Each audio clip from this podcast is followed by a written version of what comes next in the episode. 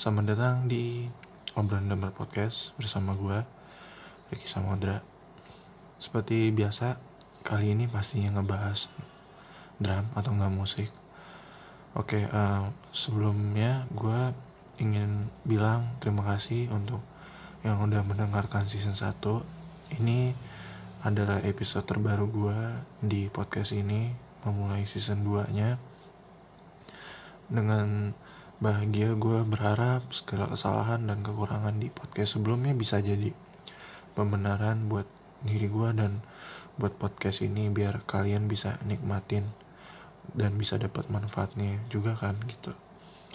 Um, pokoknya gue berterima kasih banyak untuk support kalian yang udah dengerin. Walaupun jumlahnya nggak banyak tapi gue merasa senang kalian mendengarkan podcast ini. Mudah-mudahan ini buat bersama-sama lah gitu. Dapat hikmah dan manfaatnya. Dan bisa kalian terapkan maupun itu di hal tentang drama ataupun secara diri pribadi atau emang dalam kehidupan sehari kalian gitu kan dalam bidang musik gitu.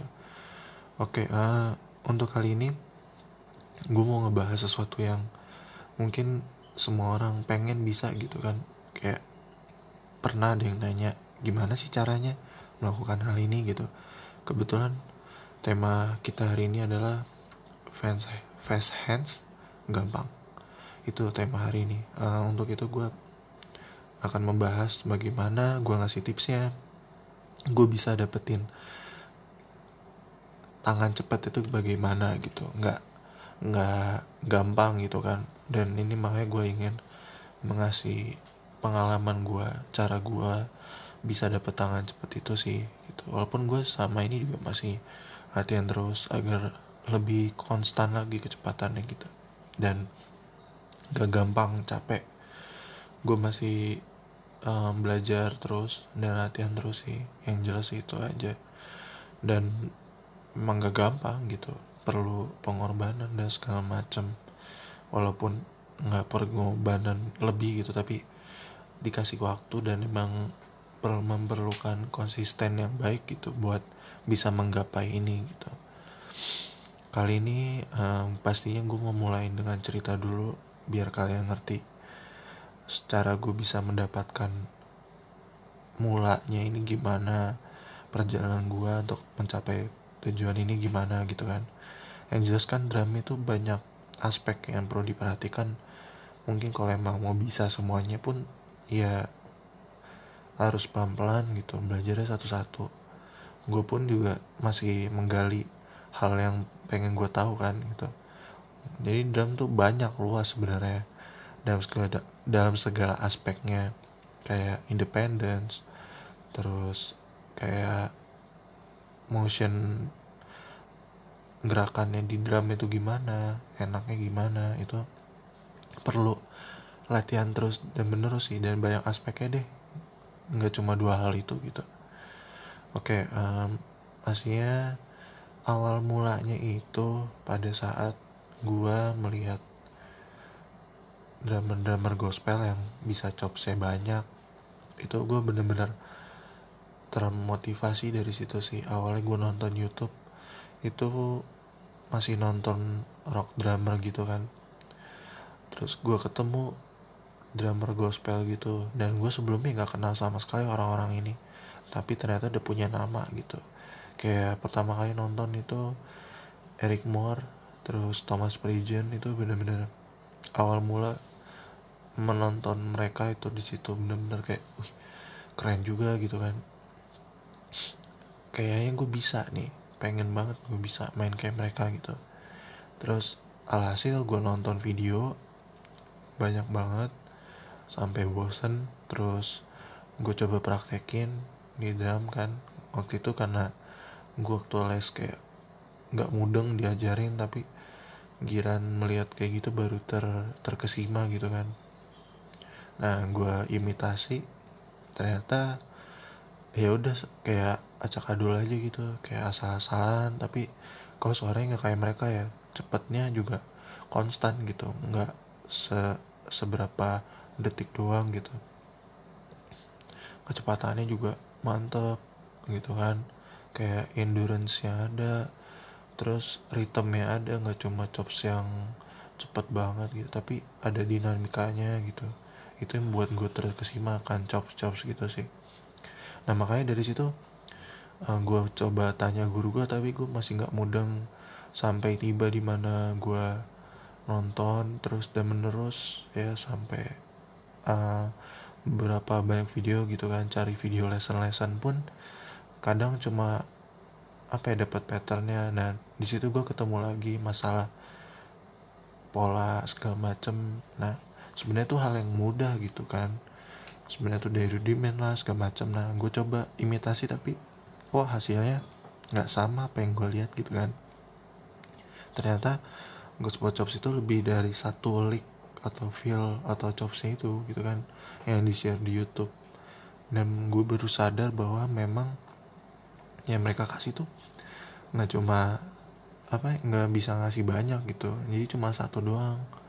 Nggak kayak full chops gitu loh. Kayak kan memang itu butuh variasi banyak gitu. Dan pastinya perlu banyak pola-pola yang ngebentuk itu semua gitu kan makanya gue baru tersadar dan bingung bagaimana mengatasi acara apa masalah itu gitu. Dan benar-benar gue sampai pada akhirnya di mana gue dapet uh, nonton video drummer jazz fusion salah satunya yang ternama banget sih. Pasti kalian denger lah. Namanya besar banget. Di di drumming legend gitu Dave Weckl kalau kalian tahu kan. Dave Weckl mainnya kayak apa. Nah di situ gue baru terbuka. Di mana gue ngitung tempo kan. Dia main lagu jazz jazz yang tapi yang ada backbeatnya gitu kayak masih ada fang fang yang gitu ada rocknya. Ya kalian tahu lah pasti jazz fusion gitu. Nah kebetulan lagunya yang masih ada backbeatnya terus gue hitung tempo dia solo cara dia main pas dia main chopsnya kayak bener-bener dinamikanya dia perhatiin dan gue di situ baru sadar oh ini main seper 16 gitu. Baru tahu. Di situ gue juga gali seper 16 itu apa. Oh ini uh, eh, 16 note triplet gitu. Sextuplet kayak gitu kan ya oh mainnya gini nih gitu. Nah gue belajar dari hal-hal phrasing kayak gitu. Nah baru di situ gue dapat oh tangan latihan tangan begini nih pakai rudiment gitu-gitu segala macam. Nah kayak gue dari situ sejak DVKL ada nah, di situ gue baru berasa gitu dan latihan tangan dari pelan dan pelan dan pelan. Gitu sih itu yang gue tahu. Dan itulah life changing moment gue waktu gue nonton DVKL sih.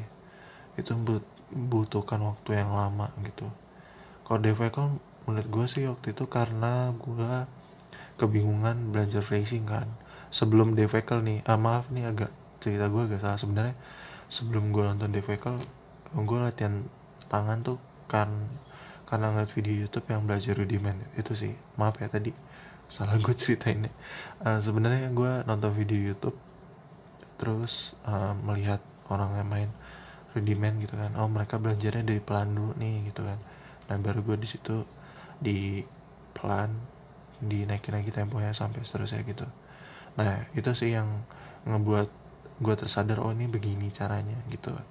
Kalau yang difficult tadi gue minta maaf ya guys. Itu gue salah ceritanya itu difficult di mana gue lagi kebingungan pattern gitu-gitu sih kayak chops phrases gitu deh pokoknya.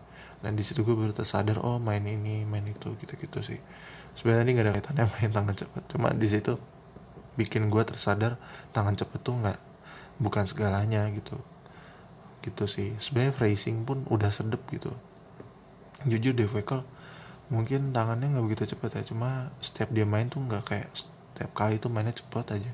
Tapi dia mencoba memainkan rhythmic sentence gitu. Bukan sekedar pamer rudim uh, apa vocabulary yang dia punya gitu. Secara secara apa yang dia udah dapat sama ini sejak dia belajar drumnya gitu kan. Nah makanya di situ gue mulai tergerak oh tangan cepet tuh bukan segalanya gitu guys. Jadi kalian kalau emang pengen punya tangan cepet tuh jangan cuma karena pengen bisa main cepet terus gitu tapi kalian memerhatikan aspek di mana kita tuh memerhatikan musik gitu. Lebih indah kalau kita memerhatikan secara musik bukan secara pengen pamer ini pamer itu gitu. Itu yang buat gue tergerak sih Dave Eccleman menyempurnakan gue di mana gue nggak perlu harus main cepat terus gitu. Tapi kalau mau tangannya cepat itu itu goal yang boleh-boleh saja gitu. Cuma di situ gue terbuka pikiran bahwa ya kita mikirin musik bukan pamer jago-jagoan gitu. Buat tangan cepat mungkin mau mainkan phrases yang kayak 30 second note itu kan bisa kalian tuangin di situ pada saat solo apa gimana gitu kan. Nggak sekedar buat pamer apa. Tapi di situ mau ngebangun suatu kalimat ritmik gitu. Bisa di, ada pukulan pelannya ataupun cepatnya gitu kan. Dicampur gitu keren gitu kan. Jadi sebuah rhythmic sentence gitu. Nggak cuma kayak buat pamer main tangan cepet aja. Chopsnya dikelilingin sana sini gitu gitu kan. Nah itu menurut gue salah sih kalau menurut gue karena soal orang beda-beda tapi menurut gue lebih baik seperti itu gitu sih. Itu yang menyempurnakan gue dari seorang Dave Weckl gitu. Oke. Itu cerita sedikit dari gue langsung aja ke tipsnya bagaimana cara gue dapet dan latihannya kayak apa sih gitu kan. Nah makanya ini gue mau ngasih tahu sebenarnya mudah namun dilakukannya agak susah. Perlu apa ya kayak pengorbanan waktu dikit aja mungkin ya kalau emang kita jenuh apa gimana itu memang perlu diperhatikan sih gitu. Oke pertama sih caranya yang pasti ready man kenapa? Karena bukan sekedar buat apa ya buat buat membentuk sebuah kalimat gitu loh kayak single stroke udah kita pukul segitu aja. Bukan sekedar isian pola gitu tapi di situ buat latihan kita kayak ngejim gitu itu kan pola ya ada kanan kiri. Nah tangan pasti bergerak kan. Nah kalau kita latih terus bisa kayak workout gitu buat tangan kita gitu. Dari pelan aja terus disedang terus dinaikin temponya gitu sih. Itu pentingnya rudimen. Terus dibanyak-banyakin aja rudimennya. Dan belajar dari pelan di situ latihan satu-satu aja gitu. Nah yang kedua analisis kesalahan. Di mana kesalahannya di mana kurangnya itu perlu dianalisis dulu. Nanti dicari tahu coba cari caranya gimana. Misalkan kebanyakan orang tuh kalau latihan tangan pasti kelihatan lemahnya di tangan kiri. Itu yang menurut gue nggak bisa lepas gitu. Atau enggak yang yang kidal tangan kanan yang lemah gitu. Itu bisa jadi terjadi sama orang-orang yang latihan tangan. Nah perlu diseimbangkan karena itu mempengaruhi kecepatan tangan kita gitu pas main. Keseimbangannya dia so ngikutin tangan kanan kan kalau bisa gitu kalau tangan kiri lemah berasa berasa susahnya gerakin gue pun udah merasakan tangan kiri tuh benar-benar susah buat di diperbaikin gitu. Karena memang perlu waktu karena kita terbiasa pakai tangan kanan buat yang tangan kanan dominan gitu. Misalkan kalau yang tangan kiri juga masih dominannya kiri kanannya enggak gitu. Nah itu memang perlu latihan konsisten dan nggak sembarangan latihan aja gitu. Gue pun juga sampai sekarang kelemahan gue di tangan kiri dan sampai sekarang ya uh, itu untuk melatihnya aja memang perlu balik lagi ke nol gue gue cuma belajar single paradiddle double sama paradiddle udah itu aja tapi mulai dari tangan kiri. Dan gue mulainya dari pelan sih dari 100 bpm kalau gue sih nyamannya di situ tapi nanti gue coba pelan lagi. Nah itu yang lagi gue kerjain sekarang sih tangan kiri gue ini memang apa yang mempengaruhi lah gitu keseimbangan tangan kita. Sebenarnya tangan gue udah udah bisa udah bisa cepat cuman tangan kiri ini kayak memperlambat. Merasa apa berasa di guanya tuh lemah tangannya gitu. Pasti kayak keting tertinggalan gitu pas gue main. Berasa pengen jatuh sticknya gitu. Makanya tangan kiri gue ini masih perlu dilatih terus dominannya gitu. Masih kaku. Tangan kanan udah dominan. Dia udah fleksibel aja gitu di bawah ke mana tangan kirinya harus ngikutin tangan kanan kan sebisa mungkin gitu makanya dari itu gue berusaha kayak oh iya nih kesalahannya ini gitu. Dan gue cari cara caranya gimana cara gue memperbaikinya. Di YouTube banyak tapi kalau kalian mau kayak gue latihan rudiment dari tangan kiri aja nggak apa-apa. Mulai aja dari single double atau paradiddle atau bisa ngikutin Mike Johnston yang pernah gue share di episode mana gitu. Gue share salah satu workoutnya buat tangan kiri buat tangan yang lemahnya itu bisa kalian ikutin. Ada di episode berapa podcast gue gitu. Gue udah jelasin cara latihannya gimana. Nanti bisa kalian pilih mau belajar rudiment mulai di tangan kiri atau atau ini apa tekniknya dari Mac Johnston bisa kalian pilih. Senyaman nyamannya kalian kalau dua-duanya juga nggak apa-apa bagus banget.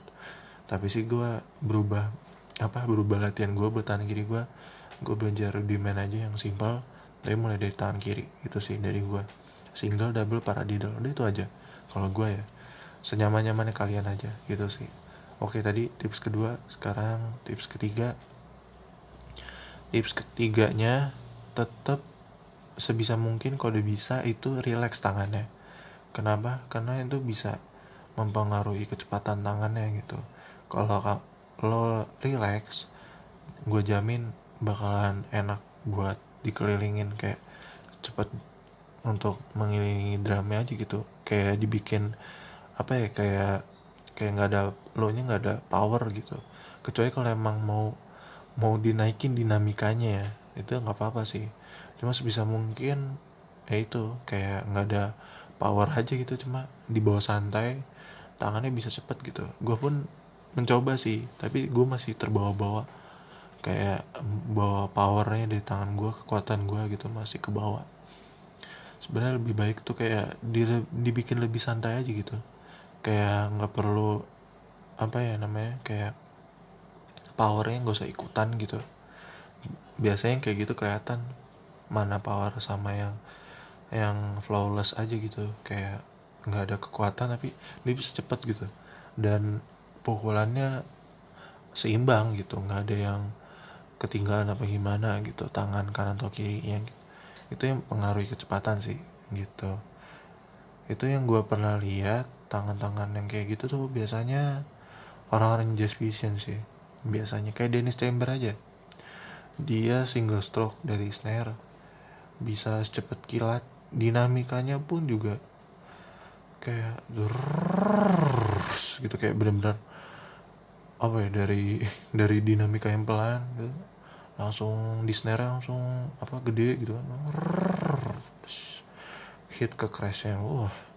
Setiap dia solo hampir setiap solo dia main single stroke nya kayak gitu. Makanya itu salah satu apa ya kekuatan gitu. Di situ nggak perlu banyak mukulnya tuh nggak perlu pakai power gitu. Dengan kayak gitu aja tuh santai relax tangannya langsung cepet gitu. Kayak tanpa disadari gitu. Gue pun udah pernah nyobain gitu.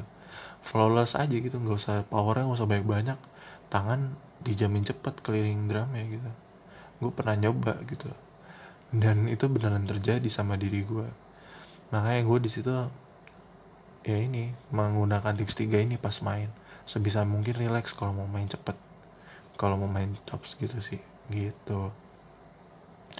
Terus um, tips keempatnya sih kalau bisa memperhatikan dinamika sih itu penting banget. Kenapa? Karena itu yang nanti mempengaruhi kecepatan tangan juga. Kan kita di situ rudiment itu kan ada ada pukulan kerasnya sama pukulan kecilnya atau bisa dibilang yang ghost note-nya gitu kan. Nah ghost note ini kan isiannya gitu loh kayak biar tangannya cepet gitu. Kan nggak cuma aksen kalau aksen doang nggak cepet berarti. Kalau ada sing ghost note-nya itu cepet gitu kayak double stroke aja. Itu kan lama-lama cepet gitu bukan bukan karena motion tangan kita yang cepet tapi note yang banyak gitu kan tangan kita yang ngebuat itu jadi lebih cepat lagi sebaik yang bikin cepet tuh karena banyak notnya cuma tangan kita di membuat temponya lebih cepat dan banyak gitu kan. Jadi gitu. Sebenarnya orang tuh salah tangkep bahwa tangan cepet tuh karena tangannya doang gitu. Tapi kan sebenarnya kan di awalnya pas kita mukul kan notnya banyak. Nah kan dari situ kita udah tahu.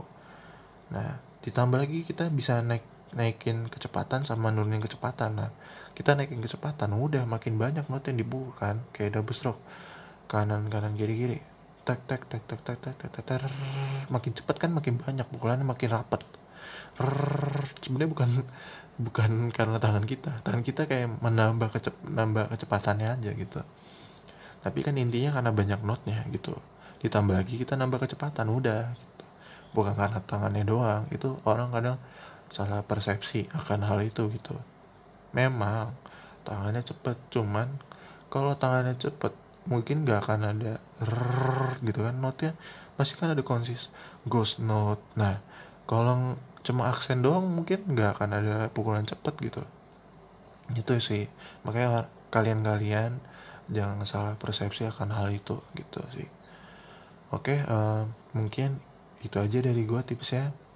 Jangan dipakai buat apa ya boleh sih.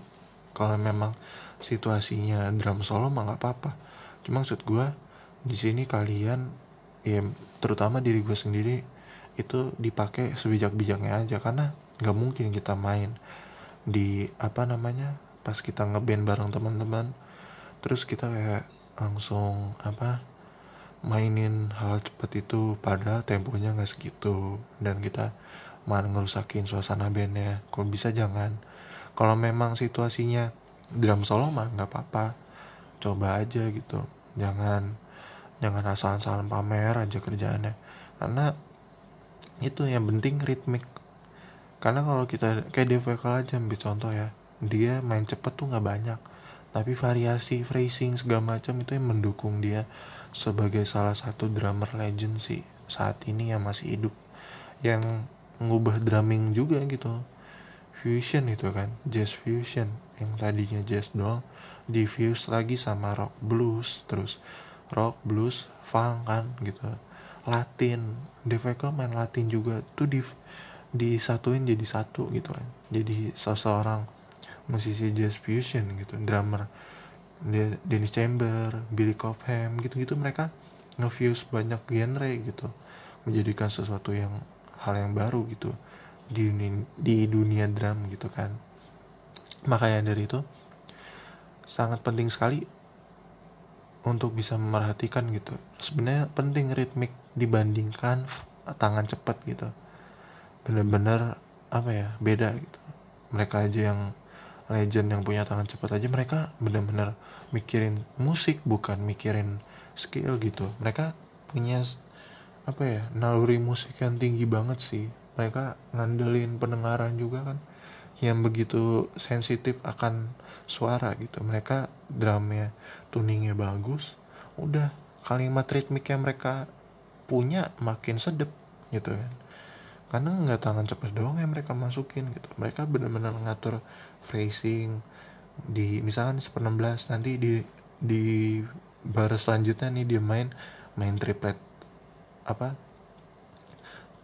eh, seperlapan triplet gitu kan. Makin goyang terus tadi masukin lagi quintuplet gitu gitu jadi kayak sebuah apa ya kayak kalau kalian ngerti ya maksud gue tuh kayak naik turun naik turun gunung gitu loh.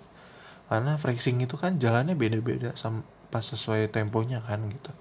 Makanya mereka tuh jago banget gitu. Mereka punya tangan cepet tapi mereka gunainnya dengan sebijaknya mungkin gitu.